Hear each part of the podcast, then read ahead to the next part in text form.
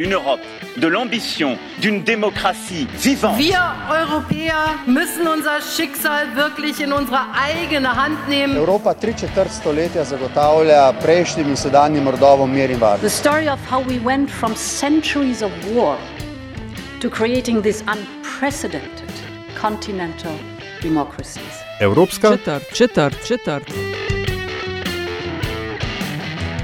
Nič nam ne pomaga, če v naše resolucije pišemo, da bomo postali digitalni, če potem teh profilov praktično ne opisujemo toliko, kot bi jih potrebovali.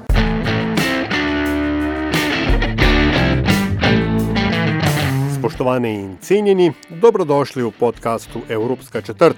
Podkastu o vsem, kar vas bo zanimalo o Evropski uniji, pa niste vedeli, koga vprašati. Evropsko četrt vodiva Aljaš Pengovitenc in Nataša Briški, podcast domuje na spletni postaji metina.si, v vašem nabiralniku pa sveža epizoda, takoj, ko je na voljo. Izobraževanje je tema tokratne epizode. Pred dnevi je kar nekaj prahu dvignila odločitev slovenske vlade, da ustavi razpis za upis v dodiplomske in enovite magistrske študijske programe.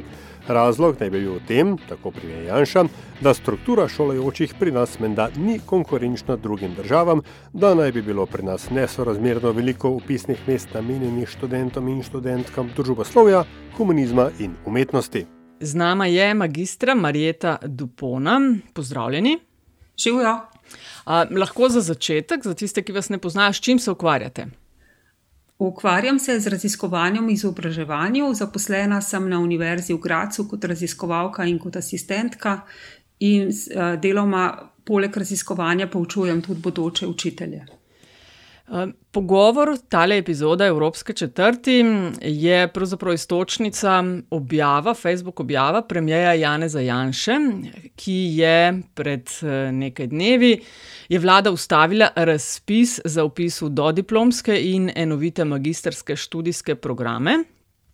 On se je v svoji objavi skliceval na nekatere številke in sva z Aljažem rekla, da preverimo, kako to drži, in postavimo nekako v evropski kontekst. Torej, on je v objavi o strateških odločitvah o naši prihodnosti med drugim navajal podatke, da pri nas jih devetintrideset odstotkov umetnost, humanistiko in družboslovje, študira sedemintrideset naravoslovje, deset zdravstvo in socialo, šest transport in tako dalje. držijo ti podatki? V bistvu ne. S podatki je zelo lahko manipulirati, kadar računaš na to, da vsi, ki te poslušajo, podatkov ne poznajo.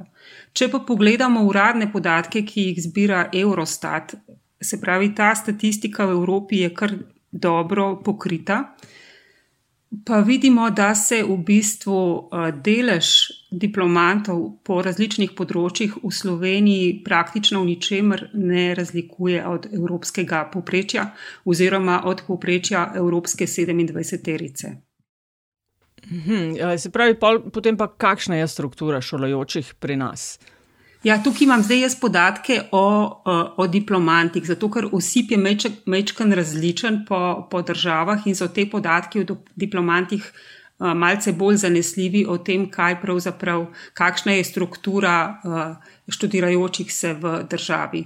Zato ker nič nam ne pomaga, če ugotovimo, da recimo trideset procentov študentov študira tehnične vede, če vemo, da je recimo tam osip majčkeno večji, kot je pa na humanizmu. Tako da je recimo humanistične vede v Sloveniji diplomira devet procentov študentov, v Evropi devet cela osem. Potem družboslovne znanosti in novinarstvo in komunikacijske vede v Sloveniji devet cela tri, v Evropi devet cela dva. Tukaj mislim, da sploh ne moremo govoriti o kakšni razliki. Ravno tako v naravoslovnih znanostih in matematiki in statistiki v Sloveniji šest cela šest, v evropski sedemindvajseterici šest cela štiri. Potem pa še to, o čemer je bilo v bistvu največ govora, inženiring, ne. Evropsko povprečje, bom zanalašč obrnila tukaj vrstni red, evropsko povprečje je petnajst cela dva, slovensko povprečje pa sedemnajst cela dva. Se pravi, v Sloveniji nekaj več študentov diplomira iz inženirstva kot pa v Evropi na splošno. Razlike po državah so sicer zelo velike. Ampak malo je držav, kjer bi bilo več diplomantov iz tehnike kot v Sloveniji. Naprimer, več jih je v Nemčiji, na Irskem, v Avstriji in na Portugalskem. Tako da vse ostale države, pa, pa, aha, pa vidim tukaj še na švedskem, je tudi en procent uh, višji odstotek diplomantov iz tehničnih ved. Drugače so pa države imajo v bistvu nižji ta odstotek, ne? Uh, Nemčija zelo gor drži povprečje, ker je pač tako velika država, da je toliko velik študentov. Um, skratka, struktura v Sloveniji za povprečjem Evropske 27-terice je primerljiva. Tako da ne vem, odkot ti podatki, razen iz neke želje. Zdaj, to je moja interpretacija, seveda, ker nikoli ne moramo vedeti, zakaj nekdo z manipula eh, podatki manipulira in laže. Vendar eh, v Sloveniji je izobrazbena struktura dosti slaba. Res, da se veliko govori o tem, da uh, vsak, ne, vsak študira in vsak diplomira, ampak to je delač od resnice. Izobrazbena struktura v Sloveniji je proti evropskim državam dost slaba. Mlajša, ko je populacija, seveda bolj se približujemo temu uh, razvitemu zahodu v smislu uh, izobrazbe, vendar nasplošno so ljudje slabo izobraženi in mislim, da je ta uh, v bistvu poteza premijeja, da, bi, da govori o tem, govori o zaposljiv, zaposljivosti in kdo, in kdo bo v bistvu. Uh, Eh, delal v gospodarstvu z vidika izobraženih ljudi, da gre tukaj za nek populizem, da, eh, da želi država eh, nekako pomagati tistim, ki želijo delati, ne, in ne tistim, ki želijo v bistvu, tako kot velja na vas, ja, ne samo v službo hoditi. Um, tukaj je cel en, en zelo velik spektr vseh mogočih težav povezan uh, s študijem v Sloveniji, namreč v. Uh, v Sloveniji ne posvečamo kakšne posebne pozornosti, če sploh kakšno temu, kako bi uh, omogočali študij otrokom in mladini iz deprivilegiranih skupin. Mhm. Se pravi, če jaz to prav razumem, uh, premijeva trditev oziroma vprašanje, ki se ga je postavil, da bo Slovenija strukturo 39 odstotkov šolajočih znanj iz družboslovja, humanistike in umetnosti, napram 37 odstotki, odstotkom za znanje iz naravoslovja, tehnike in informatike, sredi četrte industrijske revolucije, sploh kakorkoli konkurenčna državam, kjer tako on je to razmerje ena proti dve. Pri nas naj bi bilo, eh, se pravi, približno enako, po njegovih navedbah, 39-37, v Evropi pa naj bi bilo dve proti ena. Jaz sploh ne vem, v bistvu, kaj on s to izjavo želi drugega, kot da želi narod zavajati, ker enostavno te. V teh podatkov, na način, kot jih on predstavil, ne razumem, ker vidimo, da uh, deleži v Sloveniji so primerljivi z Evropo, da pa je variabilnost uh, v Evropi, se pravi, razlike med posameznimi državami, kar precejšna, ampak na dolgi rok pa nekih praktičnih razlik ne vidim. Mhm. Kdo pa, eh, magistra Dopona, sploh določa ta razmerja med profili? Za koliko naprej se recimo določi upis? Je to nekaj, kar se dela vsako leto sproti, ne vem, se februarja pogleda, kaj se bo upisovalo naslednje leto in tako dalje, ali se to dela vse za kaj let naprej? To se dela za več let skupaj. Eh, fakultete oziroma univerze eh, delajo te analize upisnih uh, mest in števila študentov in diplomantov, ministrstvo pa potem bdi nad tem in v bistvu daje soglasje ali pa ga ne daje. In potem, recimo, včasih se zgodi, da ministrstvo ne, ne ustreže željam posameznih fakultet zniža uh, uh, odstotek študentov, ki se lahko na posamezno smer upišajo. Se pravi, to ni nek unikum, kar se je letos zgodilo. Unikum je v tem, da se je to zgodilo absolutno prepozno. Se pa potem dogaja, ne, da se da kaj naredijo posamezne fakultete, ker ne morejo upisati rednih študentov, upisujejo izredne študente, izredni študenti študij plačajo in so tako v deprivilegiranem položaju v času študija uh, v primerjavi z rednimi študenti. Prej ste med drugim omenili tudi. Uh podatek, oziroma to, ta nek sentiment, da govora o teh, ki bi želeli delati. Ne. Ministra za gospodarstvo počevalška smo v zadnjih dneh slišali govoriti o pomankanju manj kvalificiranih poklicev. Kakšen je vaš komentar, kaj drži, ne drži? Take izjave me pa vedno tako razkurijo, ker so nevredne v bistvu nekoga, ki je na ministerskem položaju, nevredne so vsakega razmišljujočega človeka, ker namreč kaj se v Sloveniji dogaja. In tukaj so si pa v preteklosti z roko v roki. Um, pomagali tako levi kot desni. Namreč v Sloveniji gre za neke vrste elitizem, ko, ko oblast vedno skrbi za to, da bo njihovim otrokom, njihovim vnukom, njihovim, uh, se pravi, otrokom, njihovih prijateljev, znancev in tako naprej, uh, nekako šlo dobro v sistemu, za vse ostale nas pa nič ne briga. Naprimer, če pogledamo, kaj je ta gonja proti gimnaziji naredila v preteklih letih, uh, upis na gimnazije, ki edine omogočajo, da se člo, mlad človek res kvalitetno spoprime študijem in da ima neko dobro vstopno pozicijo uh, na fakulteto in možnost, da bo študij tudi kasneje končal, uh, ta upis se je drastično zmanjšal v preteklih letih. Se pravi, mi imamo zdaj manj ljudi, ki so dejansko pripravljeni na univerzitetni študij. V primerjavi s tem, kar je bilo prej. Ampak, ko smo, recimo, uh, ko smo spraševali, ko sem še recimo delala kot raziskovalka v Sloveniji, uh, ko smo spraševali ravnatelje, raziskovalce, uh, ljudi profesionalnih poklicev, kaj si želijo pa za svoje otroke, so pa brez, brez um, sramu vsi rekli, da njihovi otroci so pa vendar ja primerni za gimnazijo. Se pravi, za te poklice, ročne, vodovodarske, inštalaterske, ne vem kakšne, tja pa ne grejo otroci drugih ljudi. Se pravi, uh, to, da ne bi Slovenija imela več uh, rokodelskih poklicev, jaz to seveda podpiram. Jaz celo mislim, da bi, da bi se vsak gimnazic lahko v čez poletje naučil še nekega rokodelskega poklica, ker je to pač ena druga dimenzija življenja. Ampak silt ljudi, ki ne spadajo v naš krog, da bojo upravljali slabo plačane poklice. Ker za to seveda gre. Ne?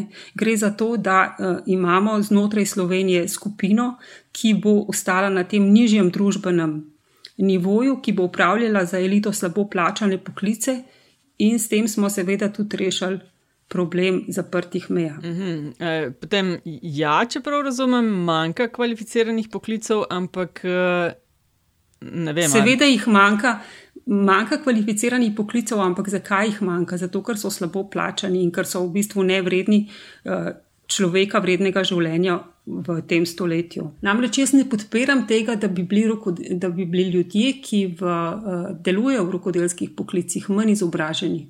Jaz mislim, da nikomor ne škodi, če se zelo dobro. Uh, Če se zelo dobro upismeni, če v svojem področju veliko ve, uh, trava, pšenica ne bo slabše rasla, če jo bo gojil izobražen kmet, kvečemo obratno. Tako da podpiram to izobraževanje za vse sloje ljudstva, uh, ne glede na to, v kakšnem poklicu se bo nekdo znašel, ker vemo, da glede na to, da zdaj že delamo 40 let, najmanj 40 let, recimo. Od takrat, ko začnemo, pa do takrat, ko se upokojimo, da v tem času lahko upravljamo zelo različne poklice, ki niso tako zelo strogo vezani samo na tisto prvotno izobrazbo. Če bi, bilo, če bi bila naša poklicna pot uh, odvisna samo od tega, kaj smo tri ali pa pet let delali na univerzi ali pa na neki visoki šoli, potem bi bilo to za kariero v poklicu zelo slabo. Namreč zdaj so poklici več, večinoma taki, ne glede na to, kakšno delo upravljaš, da se praktično moraš učiti uh, vse življenje. Kaj pa komentar na to zaposljivost oziroma nezaposljivost družboslovnih kadrov?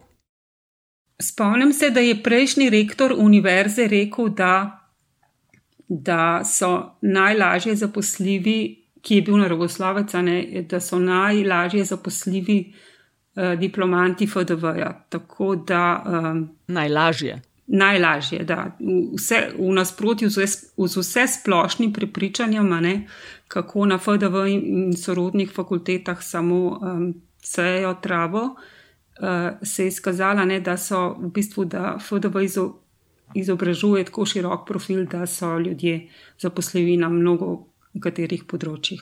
Mhm. Še to me zanima v zvezi s premijevo trditvijo. Namreč eh, on pravi, zapiše, da nekatere primerjave kažejo, da v visoko razvitih državah, kot je naprimer Norveška, upisujejo v pol manj različnih programov kot v Sloveniji.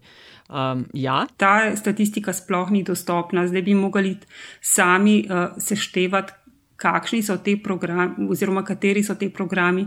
Ampak bazično je tako, da fakultete, ne samo v Sloveniji, ampak po vsej Evropi, iščejo načine, kako se čim bolj približati prihodnjemu svetu, glede na to, da ga sploh še ne poznamo in da ne vemo, kakšni profili bodo.